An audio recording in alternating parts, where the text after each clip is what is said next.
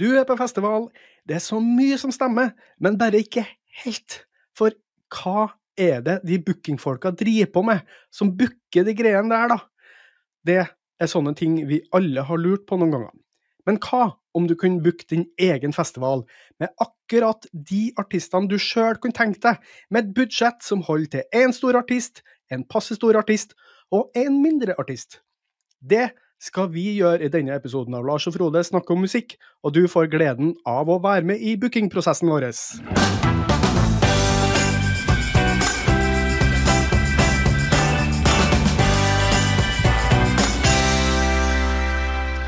Takk for at du hører på oss, og jeg håper at du kan gå inn og gi oss noen stjerner og tilbakemelding der du hører på podkasten. Følg oss gjerne på Facebook og Instagram, eller sjekk ut hjemmesida larsogfrode.no.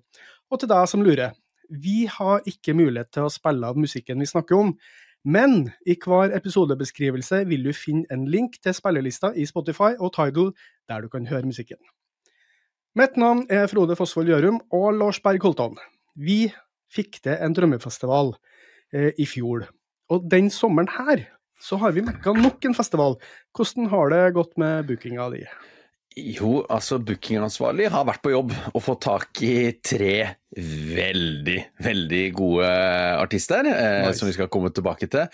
Eh, og jeg har jo, som i fjor, gått inn med liv og lyst på artister jeg ikke har sett før, eller kanskje bare har sett én gang, eh, og som jeg har jæklig lyst til å se, og som har en viss stigning i programmet, som både sånn størrelsesmessig og kanskje da også popularitetsmessig. Eh, og så er jeg jo glad i norsk, så det kan jo hende at eh, i hvert fall to tredjedeler her holder seg til moderlandet. Mm, jeg tror jeg har bomma litt på stig, både stigning Nei, ikke stigninga kanskje, men budsjettet mitt er veldig stort, Lars. Ja, for jeg, jeg, har, nok, jeg har nok holdt meg innafor budsjettet, Ja. altså, Frode. Du har vært dyktig. Så at, eh, til sammen da, så blir det kanskje For det her er jo en eh, lang festival med seks artister.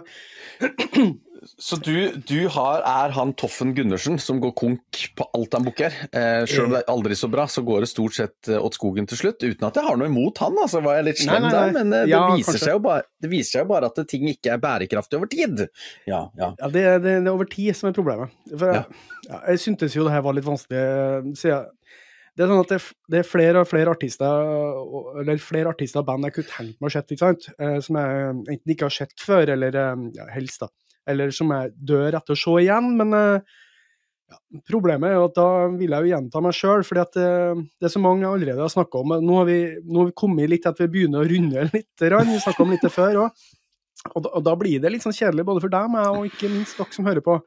Så jeg har jo prøvd å tenke litt alternativt, og ikke bare vurdert eh, ja, vurdert artister som det er realistisk mulig å få, få inn her og nå, men også hva om vi kunne få inn noen band eller noen artister som kanskje ikke lenger holder på, eh, og kanskje til og med henter dem i tidsmaskin fra da de var på sitt største, og setter dem på scenen vår. Eh, så det blir litt annerledes greie fra min side, da. Men jeg tror det blir veldig spennende. Oh. Ja, så drømmefestivalen din nå, det er egentlig litt sånn i drømme mens du sover-festivalen? Er det du sier at du henter det? Du har ikke begynt å grave folk opp på, eller fra, fra det evige hvile? Ikke helt, men det er jo nesten en eh, Men, men altså, det her er jo en drømmefestival.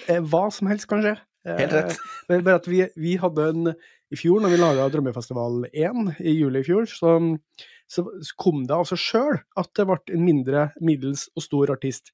Vi har ikke snakka om det på forhånd, tror jeg. Vi bare Nei. gjorde det sånn. Eh, og det var en perfekt stigning. Eh, så Men i år blir det eh, Drømmene mine blir oppfylt eh, for ordentlig, og det er bare én artist jeg har sett før, eh, og det er lenge siden.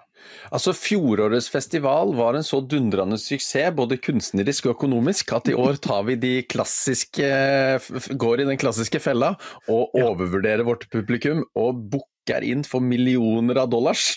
ja. Så får vi se om det blir en festival del tre sommeren 2024. Vi får se, vi får se, fordi at eh, Ja. Men vi skal jo ikke, vi skal ikke røpe Vi skal ikke komme med spoilers fra i fjor, så hvis du ikke har hørt den eh, episoden, så eh, en sterk anbefaling fra vår side, gå inn og hør på den. Helt den var sponsa av en lytter og som har sponsa oss eh, Ja, med penger. Helt sant. Og der vil jeg en liten shout-out til Britt Stine, som har booka oss nå i hele år med 30 kroner i måneden. Det, det hjelper, det òg. Fy søder. hun har vært på kofi.com slash Lars og Frode eh, og gjort det. Så hun burde jo snart få sin egen eh, drømmefestival eller drømmeepisode fra oss. Så det, det må vi huske, Lars. Det tror jeg det skal en av høstens høydepunkter blir Britt Stines uh, drømmeepisode. Jeg er ikke sikker på om det blir Jo, det blir jo vår drømmeepisode, men da tror jeg at vi må utfordre oss sjøl litt på den musikken vi skal snakke om, Frode. Og det gleder jeg meg til, for det er jo det som er så gøy her, at vi må sjekke ja. ut litt ting vi ikke alltid hører på. Ja, så da skal Britt få lov til å komme med sitt tema til episoden. Hun skal få lov til å velge tema. Da må vi gjøre det. Nå gleder jeg meg allerede til den. Ja. ja. Jeg har ikke nevnt det for, eh, for henne, så jeg håper hun hører på nå og tenker yes! Det gjør hun. Hello, hello over hello. there in the dam. Yes, yes, hello. yes, yes. yes hello. America. Yeah. Um, du, jeg vet uh, at du har hatt musikkopplevelser siden sist, så kan du ikke fortelle litt om hva du har gjort? Jo, for jeg har jo vært på uh, det som ikke er en virtuell drømmefestival, men som er min uh, drømmefestival, altså Måkeskrik. Og nå er dere så lei at jeg snakker om Måkeskrik, men det må dere ikke være, For det er altså Det er alltid bra vær. Nå er jo statist, statistisk sett det ganske sannsynlig når man har en festival i starten av juli i Kristiansand hvert år.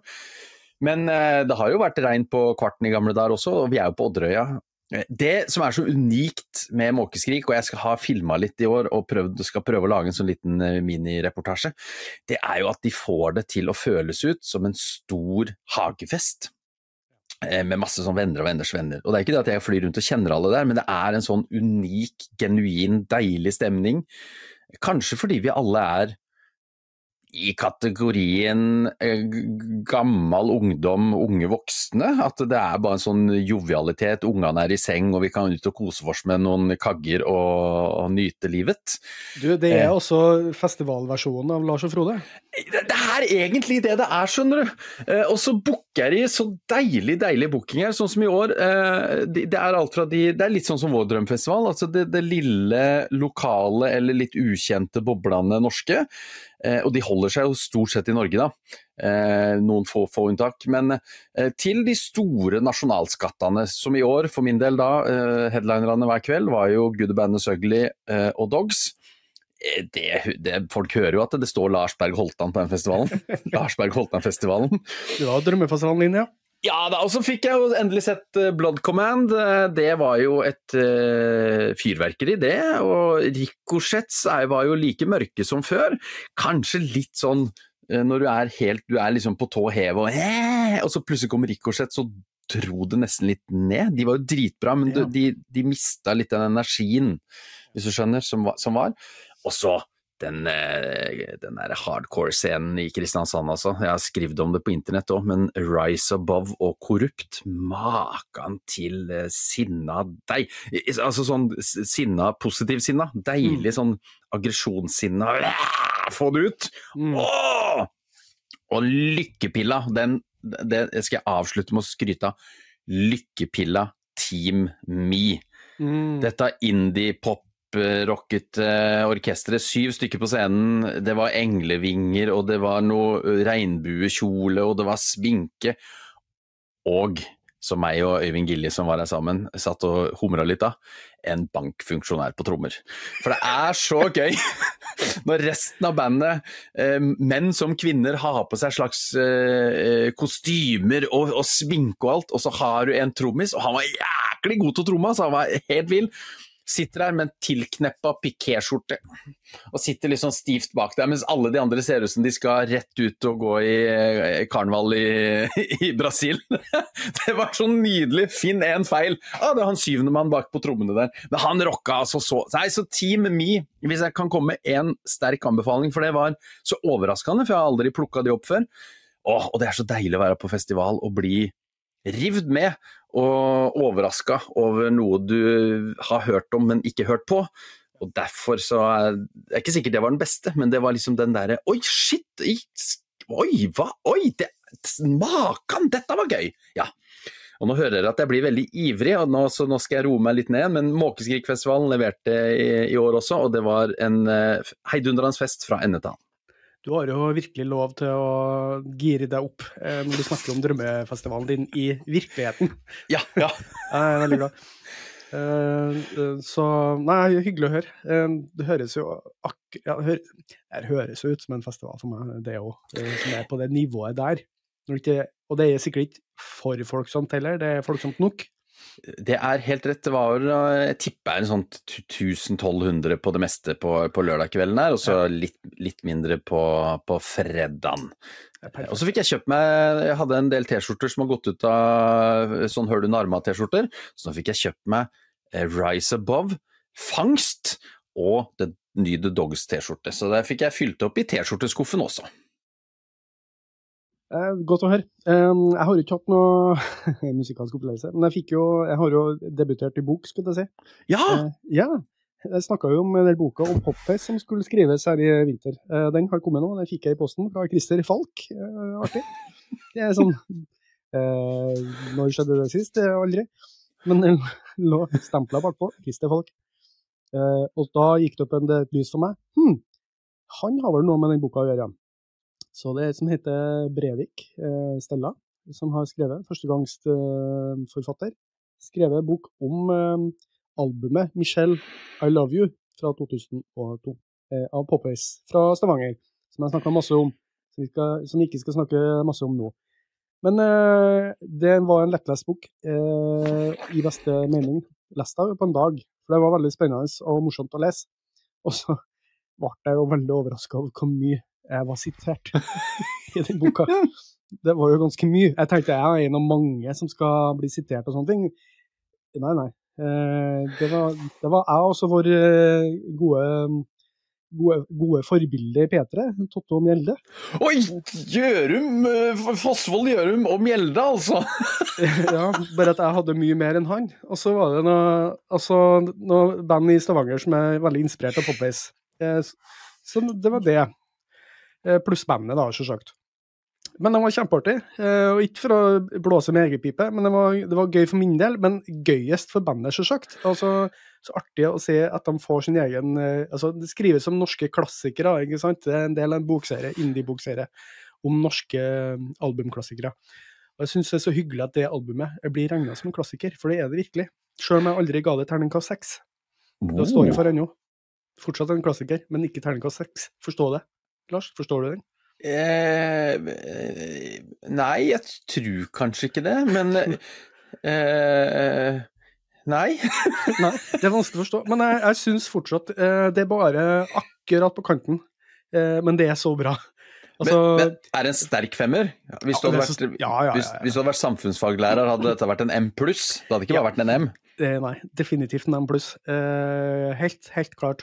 Det er bare at jeg syns det mangler kanskje en akkurat det siste. Um, men uh, det går litt sånn opp og ned, som jeg tror jeg nevner i boka. At jeg spør meg i morgen, så er det kanskje en sekser i morgen. Og sånn er det med album, tenker jeg. Helt rett, helt rett. Et album kan ikke alltid være en sekser. Eh, det kan variere. Men eh, et spørsmål fra oss lyttere, Frode, og fremtidige lesere. Vi kan jo kjøpe boka og lese sjøl, altså. Men hva yes. er du da titulert som i, den boka? For du er jo Er du musikkskribent, eller er du hva, hva Nei, står du som, eller er du bare Titulert, titulert som meg sjøl, kommunikasjonsrådgiver ved NTNU, som jeg jo er. Men en gang skribent, gratisskribent, eh, som står kunne vært journalist, det vet jeg ikke, men eh, som valgte å ikke gi seg sjøl så mye angst og lite betaling, eh, og gå for noe mer sikkert. Og det er jo ikke så lenge siden jeg ble så sikker, vi snakker snart ti år siden, så før det så var det ganske usikkert alt. Men eh, ja, så er jeg bare meg sjøl. Syns dere at du er sånn proff, eh, sånn som jeg prøver å spille det opp her i podkasten? Nei, det, dessverre. Nei, okay. det, det, ble jo snakka om, men eh, hun syns vel ikke det var interessant nok. så for folk får google meg, da, så ser de at det dukker opp en podkast. Å, det er gøy! Det er gøy. Det er forhåpentligvis eh, litt gøy.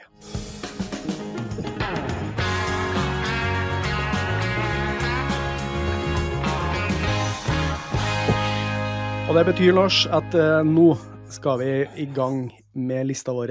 Og vi starter med Nummer tre. Det er så fin lyd! Det var høystamma vår. Heis, vi har fått oss høystamme! Ja. Hun, hun, har begynt nå i sommer. Eh, ganske dårlig betalt, men hun sa seg villig til å komme inn og si nummer tre, nummer to og nummer én. Det er de 30 kronene fra Britt Stine som går rett til heisdama. Eh, spise. Så det er det hun får i måneden for å komme inn og prate.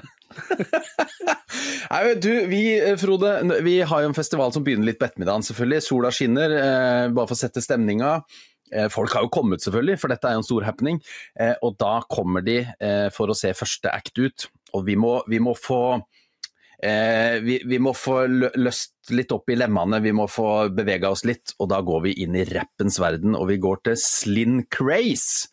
Og det eh, sitter folket nå i de tusen hjem og lurer på. Hva i pokker er det han prater om nå? Hva er dette for noe? Eh, det er Nils Rune Utsi fra Matse i Kautokeino i Finnmark.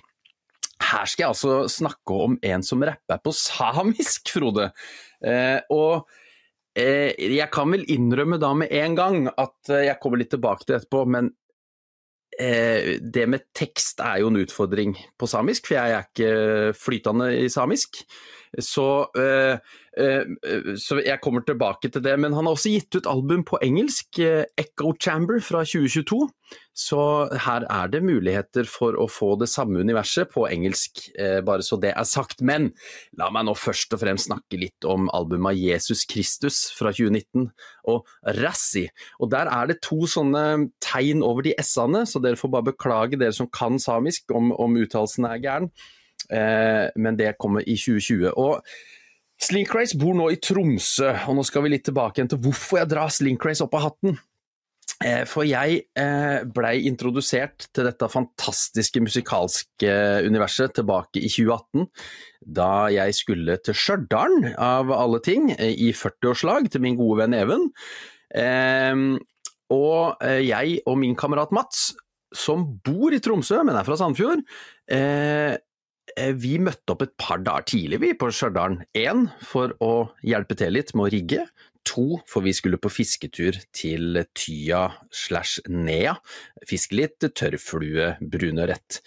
Ehm, og når vi da eh, satt oss i denne leiebilen som Mats Diamantkort Johannessen eh, hadde fått med på å kjøpe, så, så satt altså DJ Mats på noe ellevilt fantastisk hiphop eh, i denne bilen, som jeg blei sittende og bare Hva i alle dager er det her?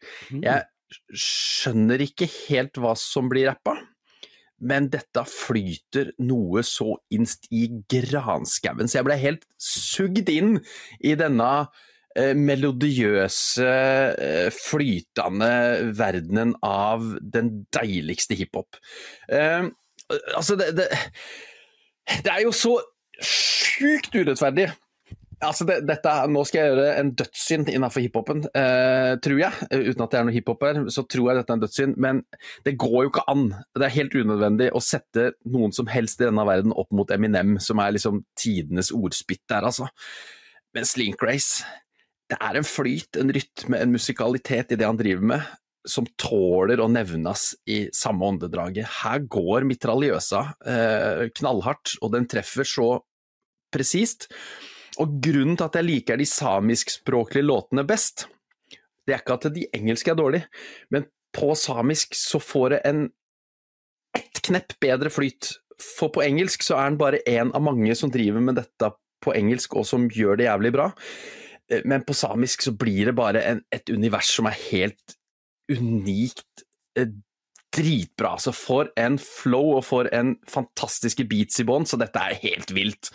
Eh, Tekstene er, eh, jeg har lest intervjuer med dem på internett, eh, noe mørkere enn en dette litt dansbare ytre. Dette er eh, den vanskelige oppveksten med mobbing, her er det trakassering, her er eh, ja, trakassering av samer også. Eh, ting som ikke er så greit, altså. Men eh, det musikalske uttrykket og måten han, han oppfører seg på, står på scenen, jeg har sett på YouTube og alt, så er det sånn at folk som står og hører på dette, de kan ikke sitte stille. Her må du, så Dette er den perfekte starten vet du, i sommersola. Du har fått deg et par kalde i nebbet, står der, og begynner å gy- gy- gynge litt. Kanskje du tar et par ustø danseskritt allerede. Eh, tør å svinge litt på. Vi, vi, vi må kvitte oss med Norwegian stiffness syndrom tidlig på festivalen, og da kommer Slink Race inn med de drivende deilige beatsa og legger på rim eh, som en mitraljøse, altså. Og det, pa, og det treffer altså så makeløst bra.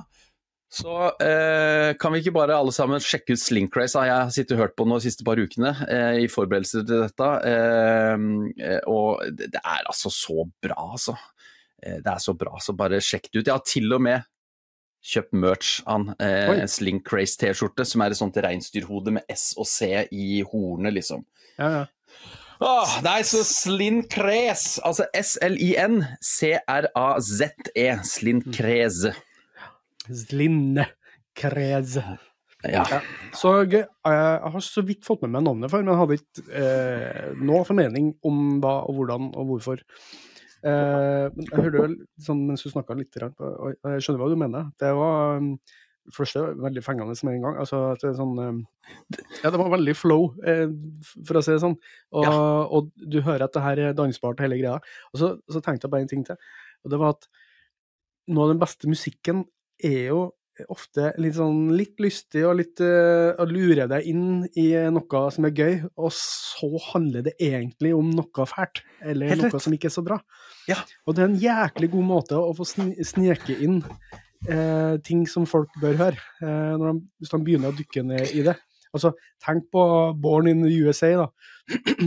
Ja. Altså, eh, noe helt annet, men den låta handler ikke om hvor stas det er å være født i USA.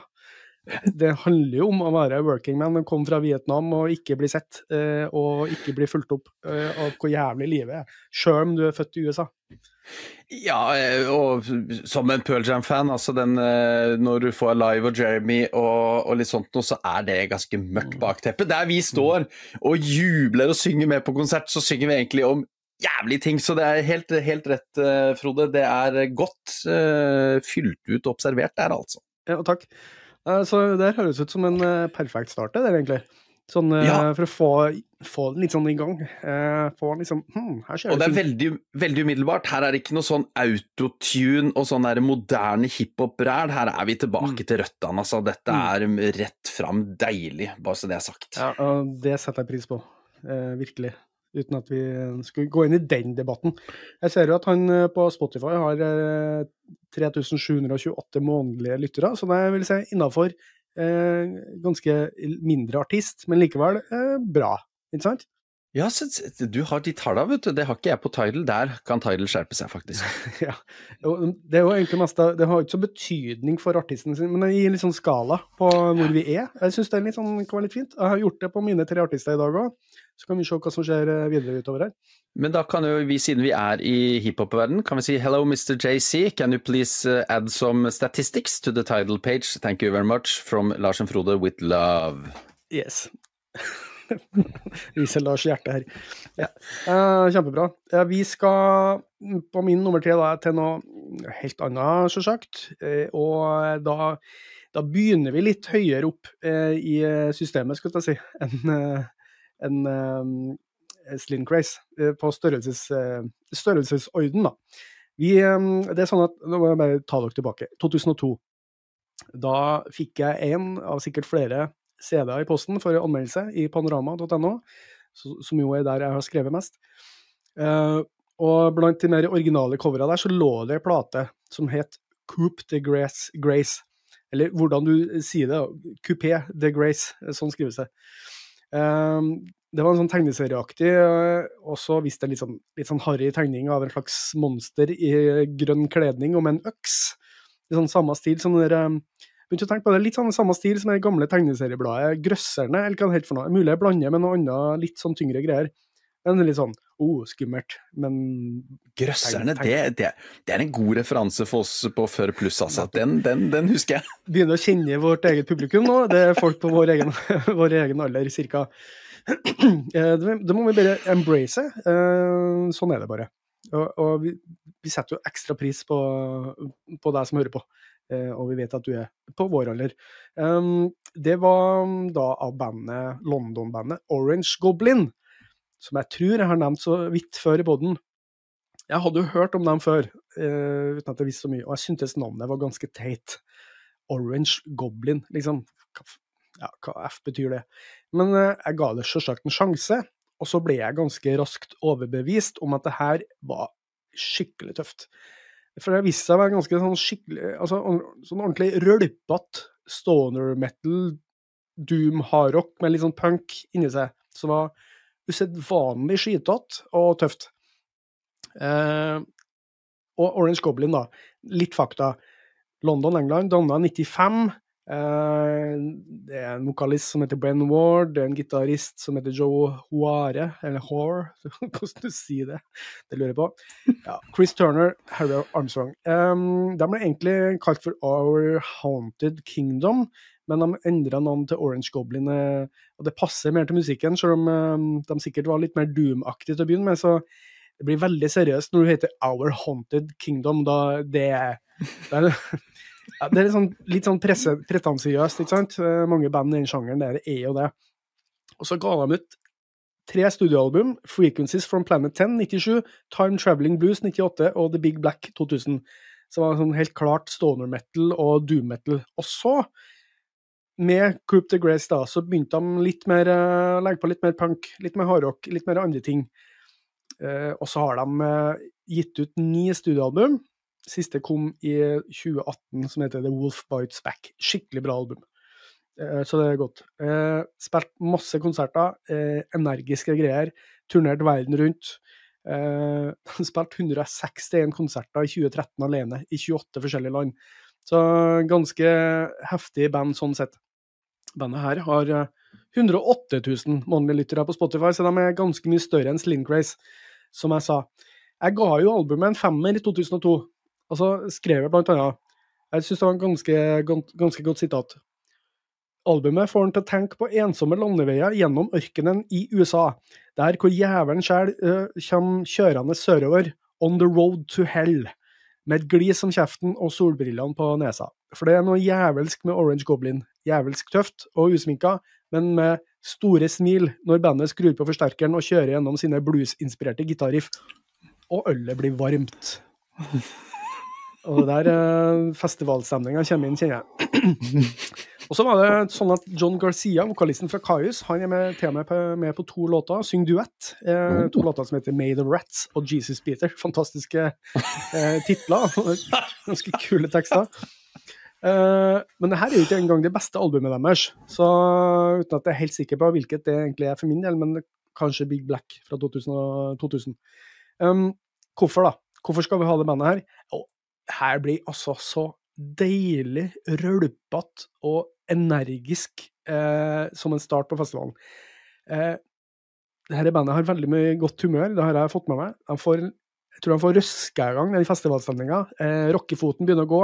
Det gruver så sinnssykt til tider.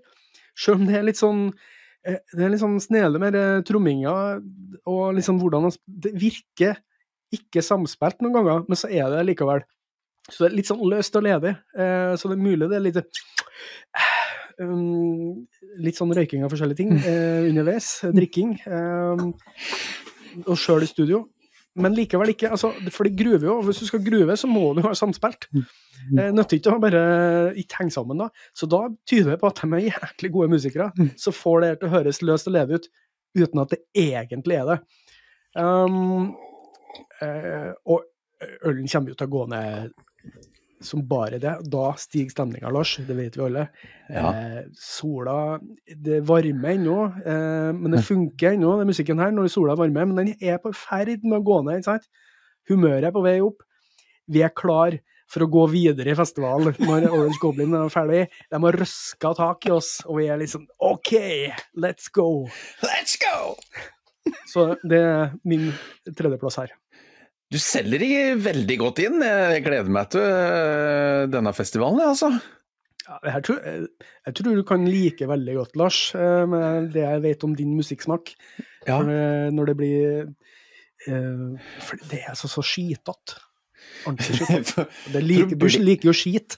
Ja, ja, ja, ja, jeg liker masse skit. Og problemet med den podkasten jeg driver med deg, Frode, er at du kommer med så mye som jeg ikke har hørt på, at jeg, rekker jo liksom ikke å få hørt på alt, for du har nevnt disse før. Ja. Eh, eh og, og, men eh, de, de, står på lista over ting jeg må sjekke ut, men så kommer det liksom sånn hver episode så kommer det fire nye band ja, som jeg må sjekke ut. Faen, Frode. Og så skal jeg prøve å forberede meg litt sjøl, og skal jeg prøve å høre på litt musikk som ikke er pod-relatert. Og da blir det litt sånn, men nå skal jeg Må jo alltid lytte meg opp før festival ute på de bandene jeg skal høre. Ja, det, det, er viktig. Men jeg, vet jo problemet med det der drive altså, altså, Du får jo ikke hørt all musikken, eh, men det er jo derfor vi har det podkasten her. For å få folk litt sånn i vår retning, i hvert fall. Ja, ja, ja. ja, ja. Nei, men det, Dette var veldig bra. Dette var veldig bra, og du, Kanskje en litt brå overgang fra ja. lette dansende hiphopen, men det gjør ingenting. Sånn er det på festival på bygda. Det er ikke alltid du får uh, ja. brikkene helt på plass. Jeg er nok på rockefestival, for å si det sånn. Uh, så når du blander inn litt samisk hiphop, uh, rap inni der, så klart, da blir det litt sånn Men det kan jo være det aller beste med en festival òg. At du oppdager ting du ikke Å! Går det helt, an, ja? Helt, helt rett. Der er du inne på det. Og dessuten, alle gode rockere har en softspot for god hiphop. Det er ikke til å komme unna. Det tror jeg. Ja. Nummer to. Da er vi klar for uh, andreplassen, Lars. Eller ah. ikke, det, er ikke, det, er jo ikke riktig. Det er, det er ikke andreplass. Det er, nummer, det er nummer to i, på bookinglista. Helt rett. Og apper, Apropos røyking og de, eh, nå skal jeg ikke komme med anklagelser, men det har de vel sørga for sjæl, for nå skal vi til Onkel P og de fjerne slektningene, så det ligger the clue is in the title. Et slags uh, utvida Oslo S pluss Onkel P der altså, den store badboyen i norsk hiphop uh, siste åra, som uh, kom seg på beina gjennom eh, en fabelaktig eh, eh, suksesshistorie med Onkel P og slekta. Har jo alltid vært en magiker i hiphop-verdenen, og med slekta så har det jo blitt den perfekte symbiosen, syns jeg. Og jeg har prata en del om slekta før, så jeg skal ikke dvele i det lange og det vide. Men problemet mitt er at jeg aldri klart å rote meg til å se disse live. Oh, ja. Og det er derfor de må på denne festivalen. Ja. Jeg hadde jo et håp i, i høst slash i våres, så blei det en sånn siste, den der siste piskeslaget, akkurat sånn når, eh, når Gandalf forsvinner ned i underverdenen med den ballroggen. Du mm. tror at endelig løser det seg, og så kommer den siste pisken og drar ned. Ja. Sånn var det med slekta, for når den nye datoen på den siste omikron-utsatte dritten kom, så passa det ikke for meg. Så da blei det ikke noe slekta på meg da heller. Eh, uansett, for de som ikke har hørt på P og slekta, så er det jo rock og rapp hybridisert til den neste nesten perfekt. Alle som har hørt på oss to før, vet jo at vi liker eh, dette, vi, Frode. Hei, hei, Judgment Night. Selv om det er litt mer sånn metallrapp, så er vi her inne på rockrappen, punkrappen. Um, Eh, og jeg har sett Onkel P sammen med Jonny eh, stå og spytte litt ord på hiphop-scena. Det har jeg likt veldig godt. Jeg har sett Oslo S, både elektrisk og akustisk, og det er meget bra. Og så har de jo med seg litt sånn eh, ut, utvida Oslo S, da, for å si det sånn. Men de har sluppet fem album. Eh, pluss en dobbel-EP som heter Slekta 4, som egentlig er et album, så de er jo egentlig oppe i seks album, da, eh, siden 2013. Og jeg må innrømme, for nå kom innrømmelsen, eh, i dette live-formatet. Dette er relevant, skjønner du, for jeg, jeg, jeg, liker jo de tre første albuma best. for da er det mest rock. Da er det mest rask rock med den syngerappen til Onkel P på toppen. Eh, deretter så har de blitt litt mer sløye, litt mer elektroniske, atmosfæriske. Eh, de har gått fra sånn rock-rap til rap-softrock, eh, som jeg ikke helt har klart å følge med på. Så jeg liker mer den umiddelbare bang-bang-bang-rocken eh, fra de tre første. Men i et livesett, når de plugger inn eh, to gitarer og bass og trommer og alt Jeg kan ikke skjønne noe annet enn at de kjører bånn gnu rock'n'roll fiskeboll eh, ut av kontroll hele konserten. Så derfor så tror jeg dette er et liveband i verdensklasse, skal jeg være helt ærlig. Og noe som da kan bygge videre på den rockebølja vi da har kommet oss inn i her. Eh, Og her har vi da de som kom for å høre Slinkrace, de vil fortsatt føle seg hjemme i denne hiphopete verdenen til Onkel P. Eh, De som liker rocken, de blir der for det, og du kan svinge deg litt i denne dansbare hybridiseringa her, og kose deg glugg og, og ja, svinge på rumpa og ta et par kagger med ønsket mineralvann, eh, med eller uten alkohol, og nyte livet. Jeg ser, jeg ser hva du gjør her nå, for jeg vet jo lista di. Jeg vet, jeg jeg, nå, nå skjønner jeg hva du holder på med. Det, det virker, altså, du har en veldig gjennomtenkt booking, Lars. Ja, ja, ja, ja, ja, jeg er bookingagent, vet du. Virkelig. Eh, Så du, du, og du har noe som er gjennomførbart, så det holder her, eh, etter det jeg ser. Eh, Herlig. Og så, ja, jeg er jo helt enig om det med rock og rapp. Eh, Den må jo forenes. Eh, Og ja, jeg har noe lignende sjøl. Så det her blir bra. Um, nei, altså, ja hva skal jeg si, jeg har ikke noe sånn kjempesterkt forhold til dem uh, sjøl, men eh, nå er vi jo på riktig nivå her. da, Det er 103 000 eh, lyttere i måneden på Spotify. Eh, Så da, da er, du, er du der du skal være, på den midt, midterste. Ja. Eh, og det er ganske bra, altså. Til å være et norsktalende, eh, eller norsksnakkende, norskrappende, norsksyngende band. Eh, som jo for alt jeg, for det jeg vet, ikke er mm, Altså, har de noe, helt tatt noe utenlandsk eh, Noen som følger dem i utlandet i det hele tatt? Det tror jeg ikke. Det tviler jeg på. Br- Bruker å stå på appen til Spotify hvor folk hører på det. Eh, så det har ikke jeg, har ikke noe peiling på. Jo, her står det. Ja, det er Oslo, Trondheim, Bergen, Stavanger, Drammen. Det vil si de største byene. Ja, så, og, I den rekkefølgen, så det er jo helt Ja. perfekt. Ja. ja. det blir ikke mer norsk enn det. Og her er ikke Det vil si at de er generelt populære i Norge, vil jeg si. He- ja, Der kunne du egentlig bare gått inn på, på SSB, hva er de største byene i Norge, og så, kunne, Ja. så rangerer du Så blir det rett og slett bare et representativt utvalg av lytterne til eh, P og slekta. Så Derfor tror jeg du treffer helt utmerket på um, Altså at du får den, den norske som den nest øverst på plakaten. Eh, Et stort norsk band nest øverst på plakaten. Det tror jeg er veldig lurt her.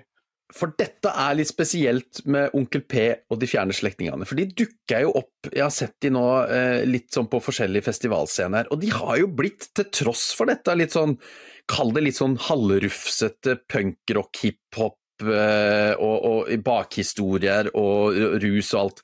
Så har de blitt sånn derre folkekjære, sånn derre Godguttene kommer på Nei, nå kommer P og slekta, så koselig at de kommer til bygda vår, da!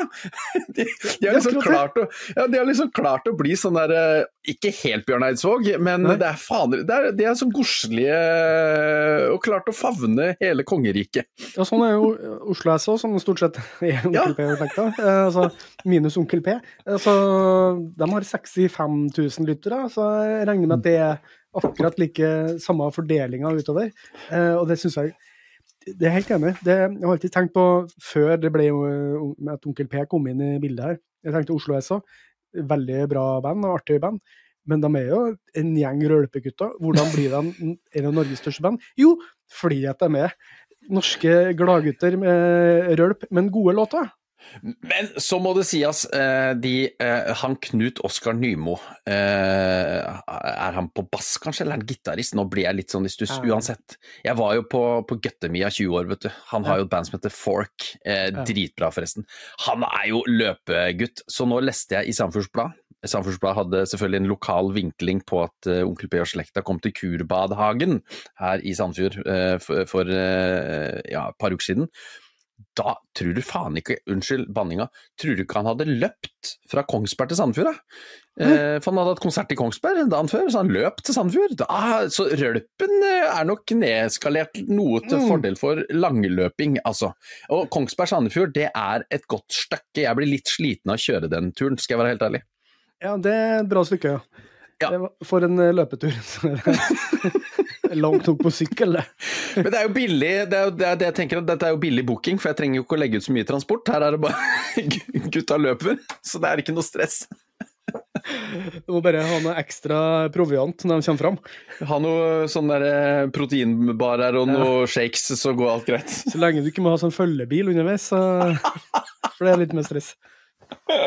Jeg kjører for øvrig um, Oslo S, de som snakker om dem. Der har vi de samme byene på topp, men Stockholm er bytta ut med Drammen. Stockholm, ja! Ja, tjenere. ja, men litt sånn eh, punka rock, det liker jo svenskene, selv om det er på Helt- norsk. Helt rett. Det kan, jo, det kan jo ha vært en litt sånn foreshadowing. Du kommer der Hei, hei. Hvem vet. Hvem vet. Hvem vet, hvem vet. OK, um, da hopper vi videre til min uh, nummer to her, da. Uh, og ja, for, for meg er det egentlig her litt sånn uh, drømmestart på festivalen. For vi vi snakker jo om The Wannadies. Eh, og jeg, har, jeg vet jeg har snakka om dem før i poden her. Eh, og når de hadde konsert på Kroa i Bø i 99, tror jeg jeg har snakka om Jeg husker ikke hvilken episode det var, men jeg så nøye, da. Men eh, statusen deres er jo eh, ganske høy fortsatt. Eh, de har jo 348 000 månedlige lyttere på Spotify, så det er jo et hakk opp fra mm, Onkel P. Eh, men kan vi hente dem tilbake fra 1997? Herregud. Eh, kan vi gjøre det? Eh, når de virkelig er på topp der, og de er et eh, internasjonal suksess. Um, The Wannadies, for dere som ikke kjenner dem, som jeg syns alle bør kjenne, er jo et svensk band. Eh, ble populær på slutten av 90-tallet, eller midten av 90-tallet der. Eh, veldig smittsomt, eh, melodiøst eh, indie powerpop-lyd. Eh, og hvis, du, hvis du liksom ikke kommer på Wonderdice, hva med det? Jo, det er dem med You and me, always and forever. Ja, vi kjenner til den eh, eh, Romeo og Julie-filmen, og den sangen er med som en stor sak. Det var 96, tror jeg.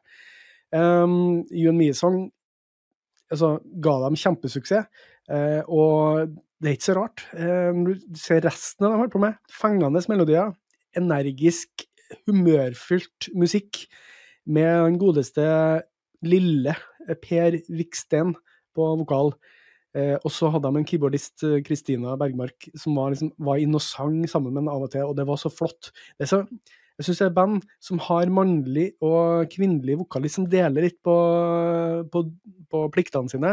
Det syns jeg kan være utrolig fint, og der er The Wannadies et eh, veldig godt eksempel på det. Um, så de hadde gjennombrudd med, med tredjealbumet sitt, Be A Girl, som hadde You and Me-sang på. Uh, og um, det førte dem jo opp på toppen av hitlistene eh, over hele verden, egentlig. Men la oss nevne noen andre flere låter som jeg syns er veldig gode. Hit, veldig god låt. Shorty, kanskje min favorittlåt. Den synger om eh, at han er, han er så ettertrakta, for han er så liten. Eh, de høye damene liker han så godt. Og det er veldig sånn artig vri på det. En veldig morsom video der du ser toppen av hodet hans med ei dame ved sida av. Det er litt sånn sjølironisk og fint. Might Be Stars, kjempefin låt. Friends, kjempefin låt. Um, de fortsatte å gjøre suksess, men så har det jo datt ut mer og mer, da. Og så gikk jo han Per, han gikk jo solo etter hvert. Eh, hørte ikke så mye mer fra dem. Og så plutselig dukka eh, de opp med en låt i 2020 som heter Can't Kill The Music. Altså ikke music, men musikk. Eh, at, eh, eh, men siden da har vi ikke hørt noe mer. Eh, så hvorfor The One Nice? Det som jeg har nevnt allerede. Det her er jo lykkepillemusikk. Det er så lekent og lystig i formen. Det kan jo ikke bli bedre på festival, spør du meg. Eh, jeg tror jeg hører at du spiller musikken nå, Lars. Eh, Lars måtte komme på hvem er Wannadies igjen. Men, eh, og, og alle kan jo You and Me-sang. Alle kan være med på allsang. Eh, alle vil kjenne på humøret og energien. Det vil ta av, for det her er et humoristisk, gøyalt band. Jeg husker fra konserten i Bø, og det, det var så god stemning. Det, det blir Alle blir liksom Åh, ja, musikk! Og det er liksom upretensiøst og morsomt. Og svensk, er det lov til å si det? altså Det er så typisk svensk. De har den derre liksom, Se for deg en sånn indisk Nei, indisk, hører du. Indie, en indiefilm fra Klassisk Sverige. svensk-indisk. Altså til sammens, eller noe sånt.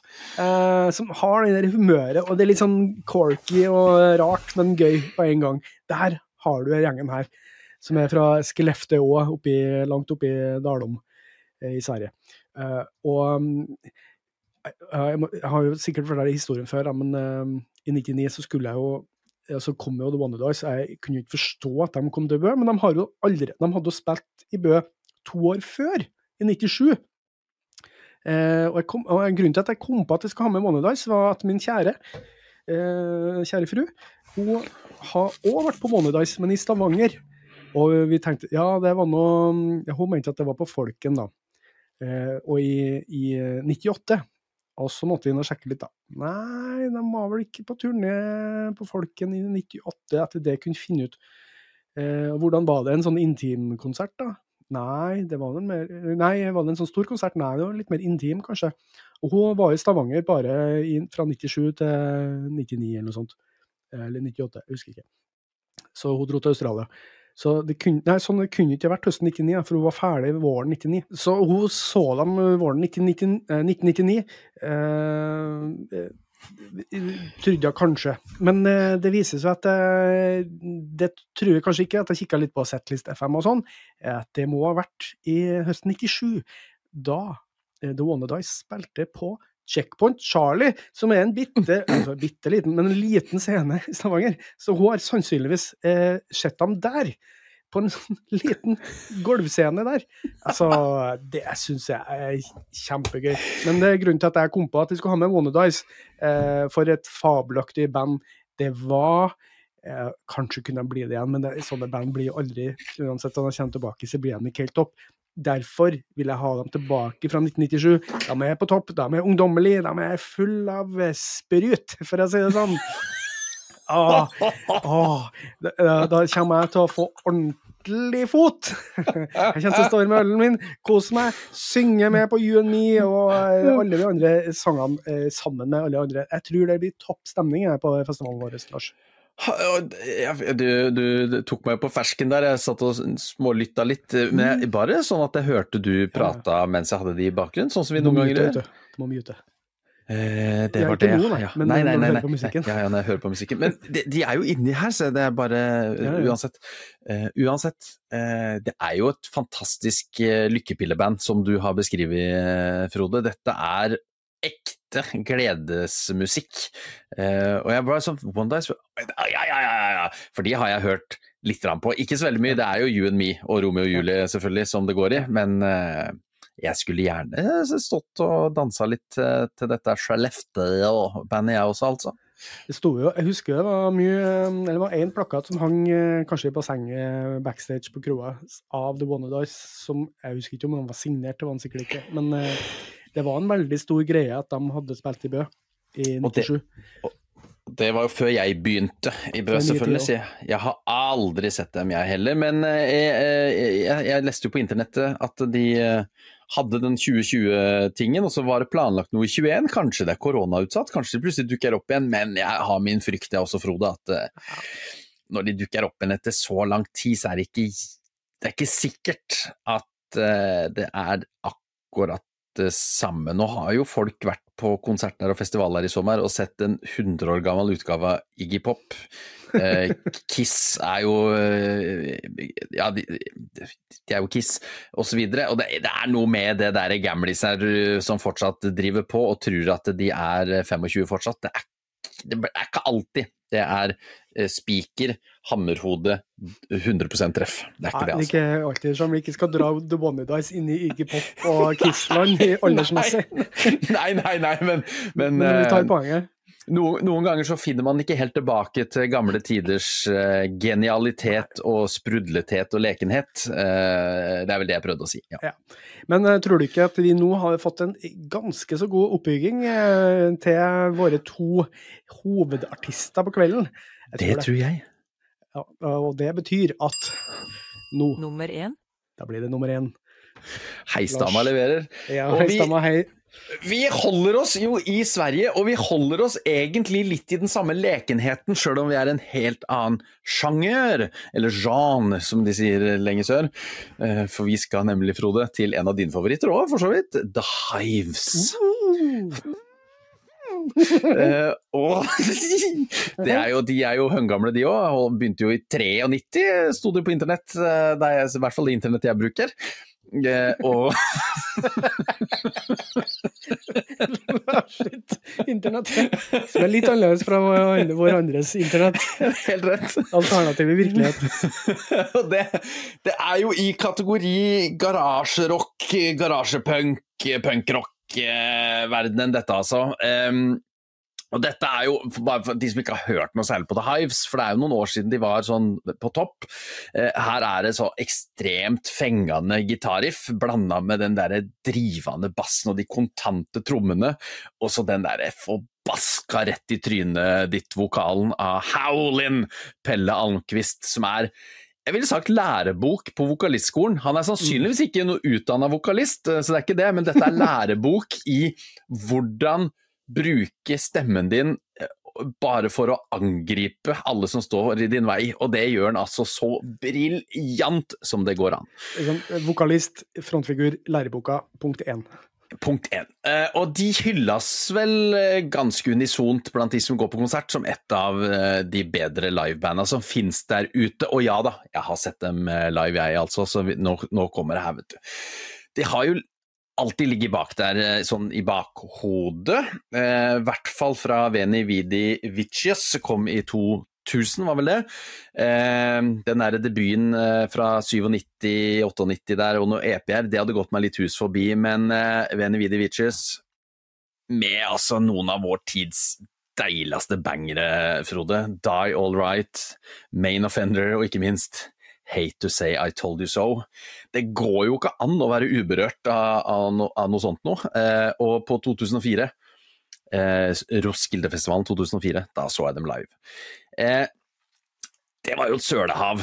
Eh, et, det var jo et av de eh, våteste åra ever. Eh, men for en konsert, da. Da var jo Tyrannosaurus eh, Hives 14 dager runda vel og blir sluppet. Den kom vel i midten av juli.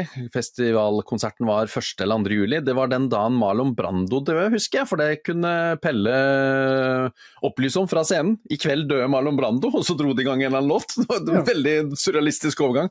Um, uh, men singelen 'Walk In It Walk' hadde jo kommet, og det er jo helt høydere, vet du. Um, så, så, så det var jo med en viss forventning jeg gikk på den konserten, men det var jo seint på kvelden, lurer jeg på rundt midnatt kanskje. Eh, og jeg var litt full, som jeg alltid var. Det var jo sølete, du blir litt slitsom med all den der søla. Gå rundt og vasse. Du kan aldri sitte noe sted på Roskilde når det er så mye søle. Du må stå og stå og stå. Eh, det eneste stedet du kan ligge er på det der eh, underdimensjonerte liggeunderlaget du har i, i det teltet ditt. Eh, så, så det, du, det er, ja, men uansett at de da klarer å gå på scenen, på oransje scene, største scenen på Roskilde, eh, og, og, og, få det til å virke som et sånn vekkelsesmøte på det lokale bedehuset, med tungetale og folk som blir ekstatiske. Bare! Mhm. det, for, det forteller jo på en måte alt. Eh, og for én ting er Hives på plate, det er én ting, men live, altså. For et, for et jækla lokomotiv av et eh, rockeorkester. Spilte vel en time, det er jo sånn punkgarasjerocken skal gjøre. Det er en time med fullstendig øs pøs. Og den energien og det derre humoristiske og lekne tilnærminga, altså det upretensiøse måten å levere produktet sitt til folket på, det er så, det er så deilig, altså. Fordi de er så bra, de er så tighte.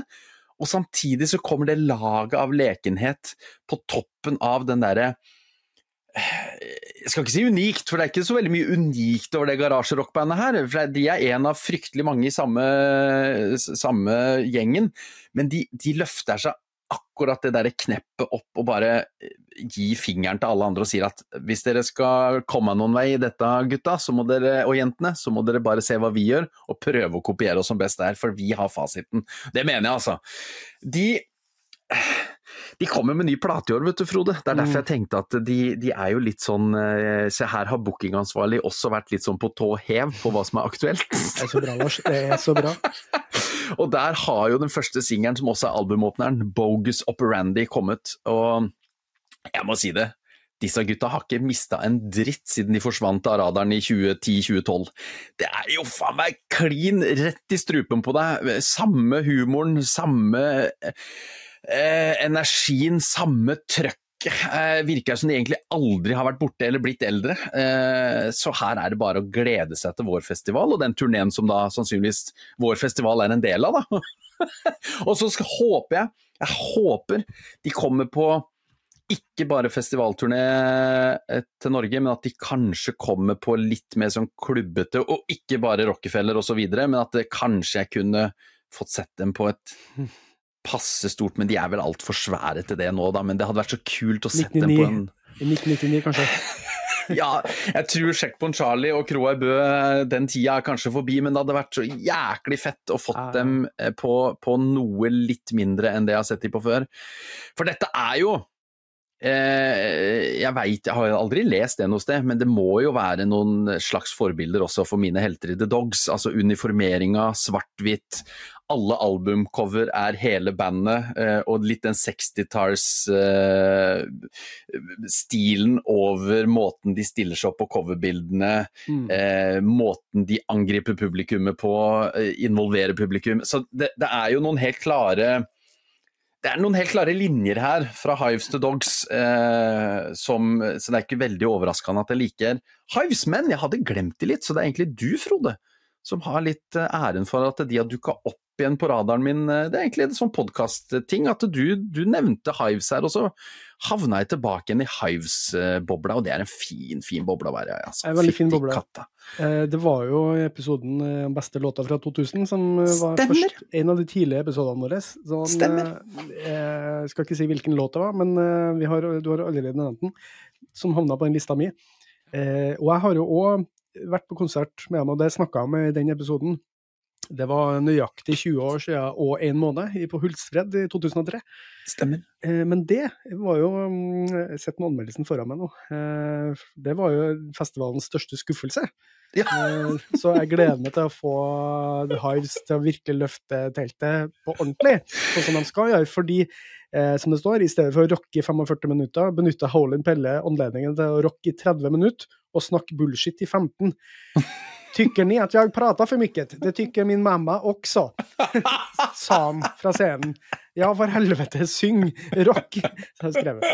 Eh, ja, helt riktig. Så jeg gleder meg til å se han i litt mindre snakksalig, mer uh, front-rockevokalist.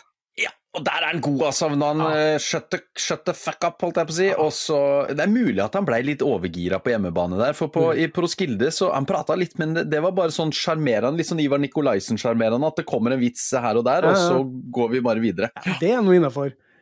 Det er jo ikke noe problem, så det er jo bare kjøre på, tenker jeg. Eh, så ja, jeg jeg virkelig, virkelig kunne tenkt meg å sette Hives eh, sånn ordentlig på rockeren, eh, der de skal være. Ja, herregud, det, det der er topp, topp eh, nummer én på plakaten. Topp! Ja, ja, ja, nydelig. Takk, takk, takk. Og, og en god forlengelse av det du snakker om, og, og, og merk dere det, det Frode nevnte litt. Merk dere, jeg begynte med rapp, går Ja. over på rapprock eller rockrapp, og avslutter jeg med rocken i den samme sjangeren som da egentlig rockerne i i P og slekt der, så her har bookingansvarlig må- Nå skryter jeg litt av meg sjøl, som dere hører. Ikke så rent lite heller, men det syns jeg jeg fortjente.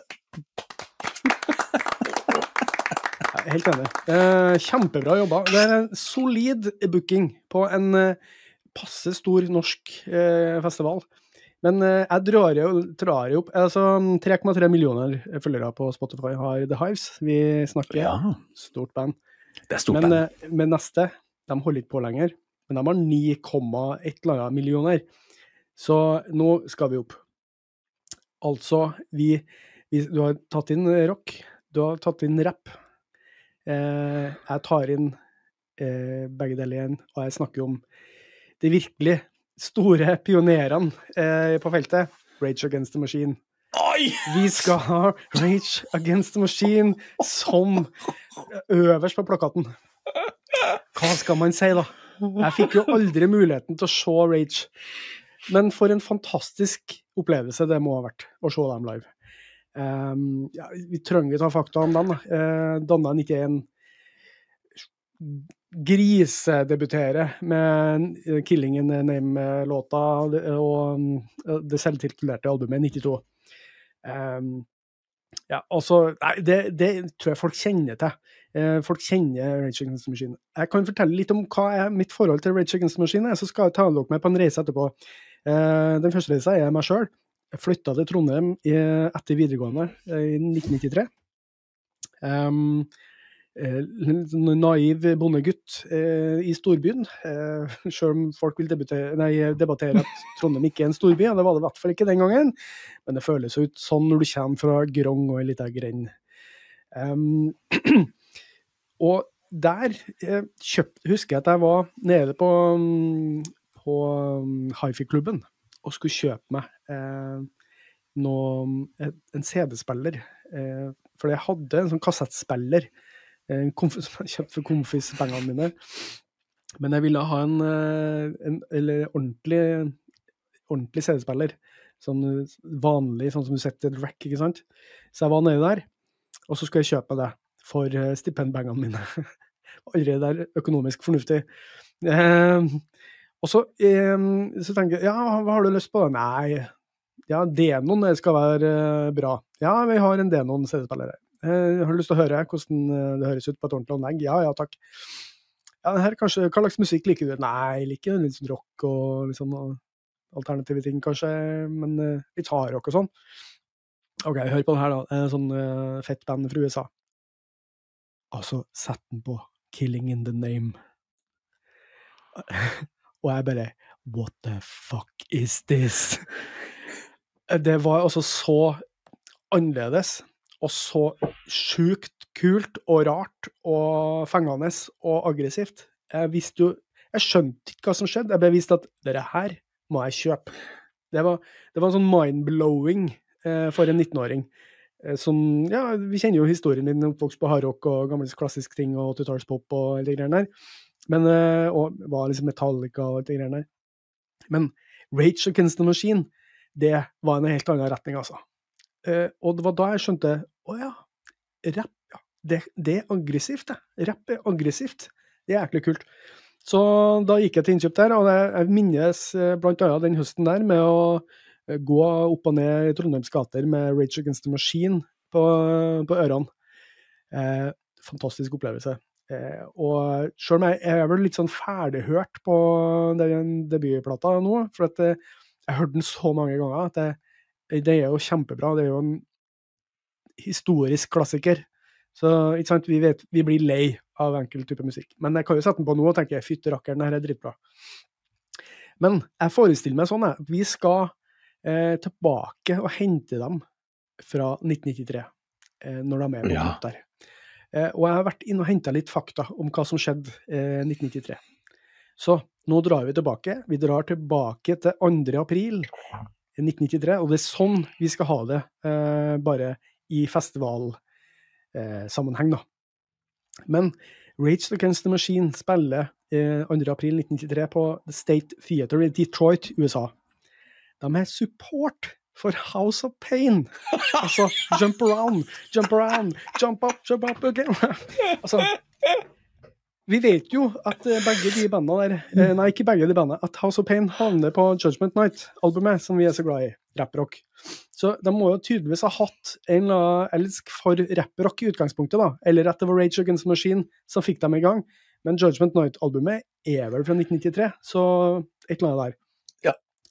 Eh, men altså, du er der da for å se House of Pain. Du har fått med ryktene om eh, det her oppvarmingsbandet sånn relativt ukjent gjeng som heter Rage Against the Machine. Altså, fra det øyeblikket da Rage setter i gang, så er det som at lufta vibrerer med energi. De starter hele greia med bomb track, og det er et E som ei bombe som faktisk har eksplodert i rommet. Tom Morellos gitar, Eh, han derre Tim Comerfords bass, Brad Wilk sine trommer. Eh, Det er så rytmisk, det får gulvet til å dirre. Og så kommer Zack de la Rocca inn og begynner å rappe, og du kan føle hvert eneste gram av hva sint og lidenskapelig han er. For det var Zack de la Rocca. Ingen andre har vært så sint eh, innafor rapp, i hvert fall. Du står oppe på galleriet der, eh, for det er sikkert den beste plassen å være. Eh, For du kan se ned på moshpiten som begynner på nedi der. Du kan føle den fysiske virkninger av musikken som slår imot deg oppi der. Ah, Men det er jo mer enn musikken som gjør konserten så uforglemmelig. Det er budskapet. Eh, De er kjent for politisk aktivisme. Konserten intet unntak. De tar pauser mellom låtene for å snakke om tema som sosial rettferdighet, politisk undertrykkelse, og de oppfordrer publikum til å ta et standpunkt mot urettferdighet. Du er med! Ja! Rage runder av settet sitt. Det er merkbart. Det har skjedd noe i atmosfæren. Det er som om lufta har blitt sugd ut av rommet. Du kan føle sympati for House of Pain, som du kom for å se. For nå skal han prøve å følge opp det her utrolige showet. Ikke at House of Pain er dårlig, men altså Rage Against the Machine. Ingen kunne ha fulgt Rage Against the Machine etter det der. Det er ikke bare underholdende, det er opplysende, det er inspirerende. Det er en påminnelse om at musikk det er mer enn underholdning. Det kan være redskap for forandring, og for deg som er der den kvelden, er det en opplevelse som forandrer alt, og som du aldri vil glemme. Du er der da Rage Against the Machine er på toppen av sin makt. Du kan ærlig si at det er en av de mest kraftfulle og minneverdige konsertopplev- konsertopplevelsene du noensinne har hatt. Og det er det jeg vil at vi skal ha på Lars og Frode drømmefestival nummer to. Vi skal ha det her. Det skal ta helt av! Vi skal få Rage Against the Machine! Så, jeg syns kanskje Jeg fikk, jeg fikk gåsehud når du prata om dette, Frode. Dette, for jeg, jeg bare levde meg inn i å stå der og se på den moshpiten og dette politiske ah, Nå fikk jeg faktisk helt seriøst gåsehud!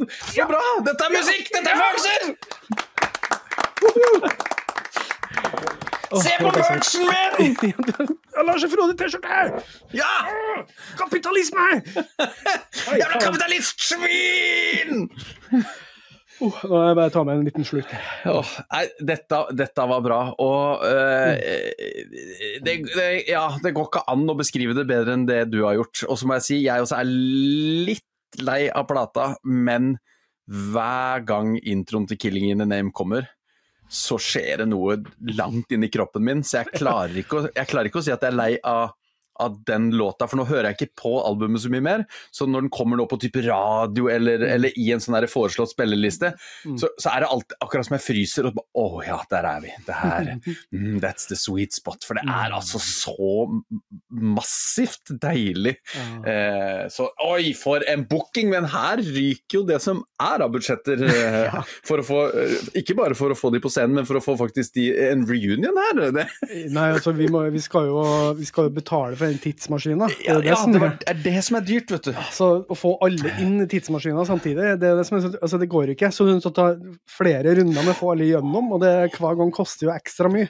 Det, Kunne vi, eh, en, litt billigere, kunne vi fått noe sånn Det finnes jo noe opptak fra den konserten sikkert, på noe sånn gammel VHS. Kunne vi fått noe sånn hologram-aktig på vår scene? Eller så kan du få det eh, ene bandet som var med og sang eh, 'Killing in the Name' som 'Killing in the Camping' på Gråøybø. Eh, Ja, ja. I camping- eh, eller grilldress. Der vi alle sto i grilldress og sang 'Killing in the Camping'! Med, med resten av teksten. Eh, det var for øvrig en stor opplevelse å få lov til å, å synge slash rappe den sangen der. For det, er altså, det er massivt å gjøre det òg. Fordi det bare bygger seg så jæklig opp når du har et bra band bak deg. Og det er jo det Rage Against Machine er. Altså, den dynamikken som de har klart å skape i musikken sin, det er det som er hele magikken. Eh, Ja. Magikken, hører du? Magien. Men Å, ja, Bulls on Parade, eh, for en låt det òg, som plata etterpå. Mm. Men eh, han får Han er jo så påskrudd, Zack de la Rocca. Eh, eh, men han har jo altså den perfekte stemmen. Altså den derre um, sinna, litt lyse, men likevel så voldsomt kraftfulle uh, Det er altså så å, fy fasan! For en avslutning! Altså, om Howlin eh, Pelle har, eh, har gitt pu- pu- publikum litt eh, å, å jobbe for, eh, så skal de få jobbe sterkt når 93-utgaven av Rage Against Machine har eh, torpedert eh, hele området, altså. Eh, heftig, heftig, Lars. Ah, nei, dette var for en eh, Ja, unnskyld uttrykket, utløsning. Dette her tror jeg folk blir stående og ule mot månen før de går hjem, for dette er helt vilt. Det er målet. Det er målet. Uh, jeg vet ikke hvordan kan vi følge opp det her med en drømmefestival 3. Det er jeg ikke sikker på. Uh, det, jeg vet ikke, er det, går det? Da må vi kanskje ha noe gjenta, gjenta noen greier. Da tror jeg vi er tilbake igjen til sånn at vi kjører Beatles og Stones og de. Bare sånn for Da tar vi en sånn Woodstock-revival. Få opp eh, få, få Joe Cocker opp fra grava, som kan stå og rølpesynge der. Åh, du, jeg rakk så vidt å legge ut en melding på Facebook før vi satte i gang, eh, sånn i siste liten. Men det, vi har faktisk fått eh, tre kommentarer der. Rakk å komme. Å ja! Eh, kan jo oppsummere det. Jeg, jeg rakk ikke å få det på Instagram heller, det var, det var litt for tett innpå. Eh, men Per Anders Solstad kommer med Black Sabbath, Electric Wizard og Pigs, Pigs, Pigs, Pigs, Pigs, Pigs, Pigs, som er jo et artig bandnavn som jeg har hørt før, eh, som jeg har glemt jeg skulle høre på, men det tror jeg jammen jeg skal høre på igjen. Eh, veldig eh, Jeg tenker, er, er det Google-vennlig, det søket? Eh, og så ha, ha sju pigs.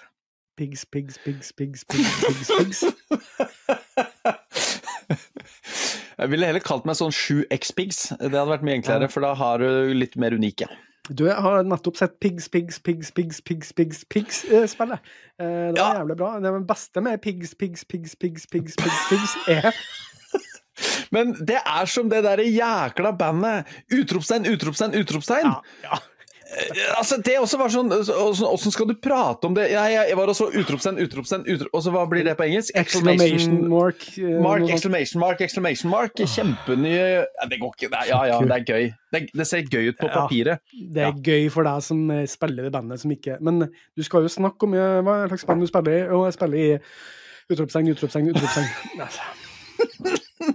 altså Panneklask. Um, Christian har, nevner jo, ikke overraskende, Tom Waits, Massive Tech, Hanya Rani uh, og Sverre Anker er ute med Oslo City Fuckboy, Ghost og Foo Fighters. Ja, eh, Ankerfestivalen er ikke den største, jo det vil jeg si er ganske stor, men uh, det er, er jeg har lyst til å se akkurat nå, sin.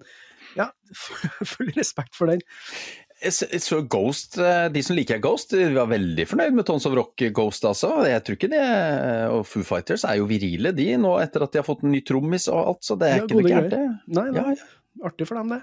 Eh, nei, det er artig for verden at de kom seg opp. Vi hadde en egen Foo Fighters spesial i fjor eh, vår.